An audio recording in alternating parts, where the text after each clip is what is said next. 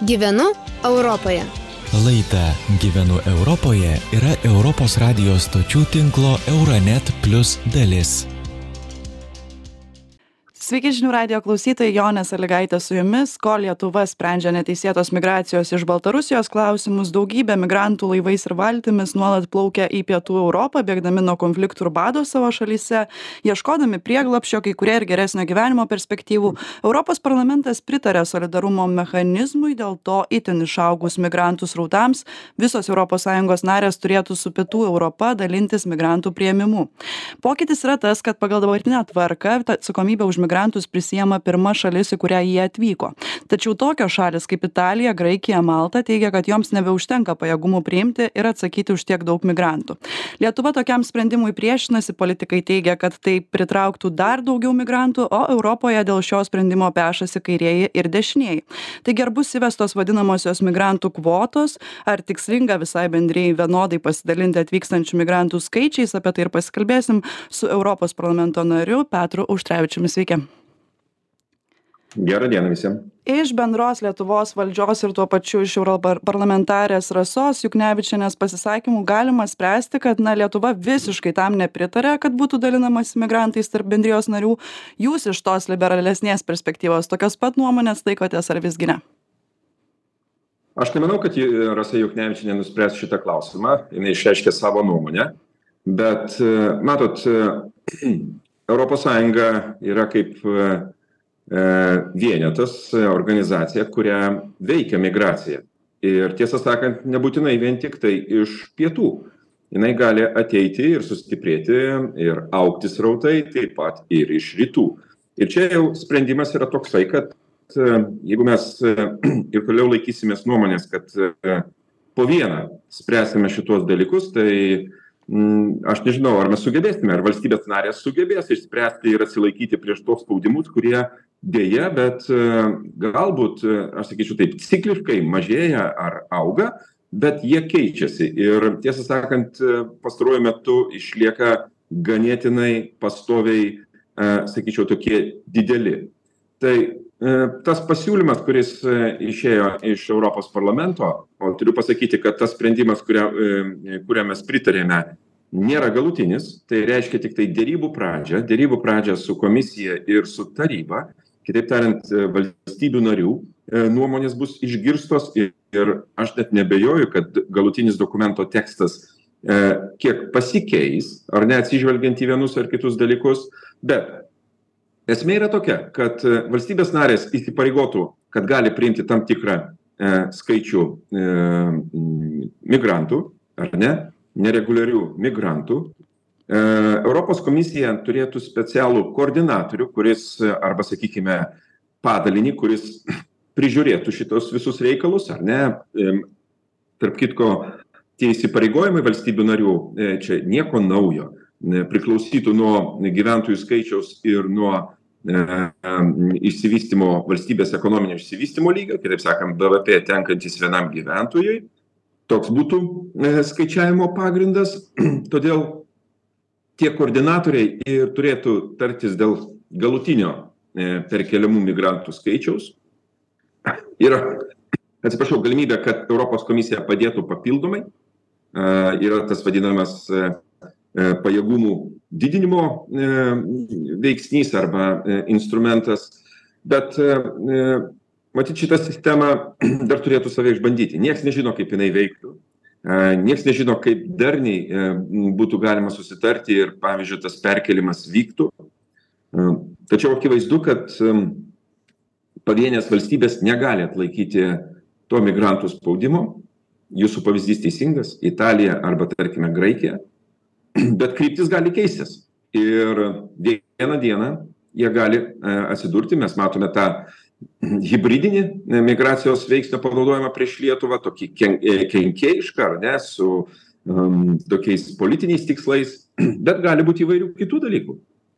Situacija rytuose yra labai įtempta nuo mūsų sienos ir todėl aš manau, kad mes turėtumėm labai aktyviai dalyvauti šitose dėrybose, ieškoti protingo sprendimo, bet vengti jo, ignoruoti jį ir bėgti nuo jo, nematau galimybių čia yra tokių pasisakymų iš vidaus reikalų viceministro kad neva štai jau buvo kažkada tos kvotos įve įvestos ir lietuva turėjo priimti berods tūkstantį ir paklaustas kiek čia tų liko migrantų tai jisai sako galbūt koks šimtas ir yra labai daug problemų su tuo kad daugelis tų migrantų na nori į vokietiją nori į prancūziją.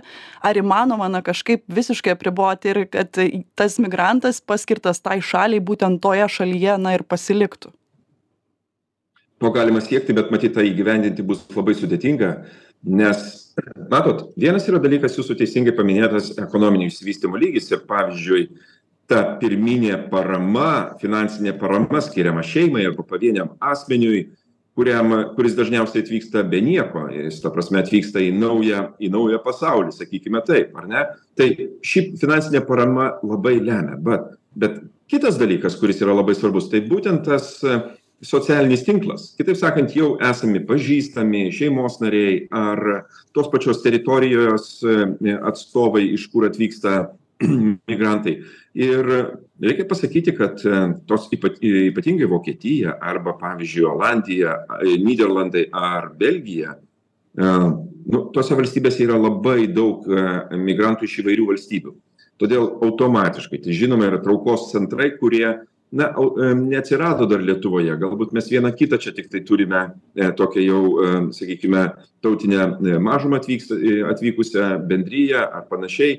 Jų labai yra nedaug todėl dirbtinai juos sulaikyti aš tiesą sakant na nematau galimybės. Na nekursime mes jiems kažkokių tai stovyklų. Čia paskui atsiras kito pobūdžio problemos. Todėl manau kad žinoma tas toks idealus variantas sprendimų vargu ar jisai ir bus kaip sakyt išlaikys dienos šviesos egzaminą lietuvai pačiai susidūrus su antplūdžiu iš baltarusijos jūs jau irgi tai paminėjot kol dar nežinojom kaip mes čia spręsim situaciją mes prašėm europos sąjungos pagalbos. Dabar štai mes turime visiškai priešingą nuomonę na bent jau valdžioje. Dabar dar turi ir susitarti europos ministrų taryba priimti tą tą sprendimą ar naują tvarką. Ar mes neatrodom keistai? Na kai mus užpuola migrantai mes štai prašome pagalbos bet kai kita šalis tai kažkaip to atrodytų net nesuprantame va būtent tai ir apie tai reikia kalbėti. Žinot gąsdinti visus migrantų antplūdžiu yra ganėtinai lengva bet spręsti tą situaciją kai iš tikrųjų viena ar kita valstybė tampa taikiniu ir dažnai ta nereguliari migracija jinai atsiranda na sakyčiau sunkiai prognozuojamom aplinkybėm ir kada ir ir ir kokiu laiku čia viskas atsiras mums net nesukime galvos. Vargu ar mes sugebėsime numatyti tuos laikotarpius. Todėl kai užgriūva ta našta kai užgriūva ir finansinė ir kitokia nes štai šitie dokumentai apie kuriuos mes kalbam beje jie numato papildomai tų atvykstančių patikrą pirštų antspaudai jų tapatybės nustatymas sveikatos būklės patikrinimas ir visi kiti dalykai. Tiktai vaikai atleidžiami nuo šitų būtinųjų patikrų. Bet darome viską kad na įsitikinti kad tas žmogus kuris prisistato jis ir yra ta tas tas žmogus.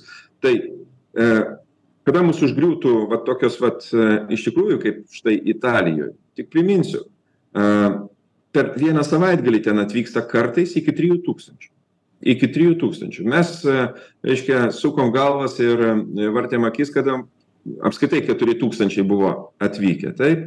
O įsivaizduokime ten koksai yra intensyvumas migracijos tų srautų. Todėl nenoriu sakyt kad šiuo sprendimu europos sąjunga atveria visus savo vartus. Europos sąjunga ieško sprendimo pagrįsto pasitikėjimu solidarumu ir na bent jau tam tikro susitvarkymo pagrindu ar ne? Bet esminis sprendimas kurį europos sąjunga siūlo tai būtent reiškia migratų migracijos stovyklų trečiosiose valstybėse kūrimas ar ne? Tose kur per kurias vyksta ta migracija.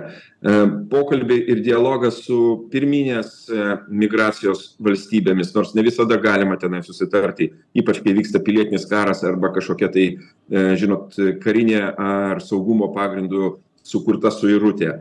Bet vienaip ar kitaip mes ieškome. Tai nėra vienintelis sprendimas kad jau mes čia pakeliame rankas ir priimsime visus ir kiekvieną. Ne taip nėra bet neieškant sprendimo aš nežinau ar ar mes elgtumėmės protingai ačiū jums labai už skirtą laiką kalbėjomės su europos parlamento nariu bet petru auštrevičiumi gražios likusios dienos ir likit su žinių radiju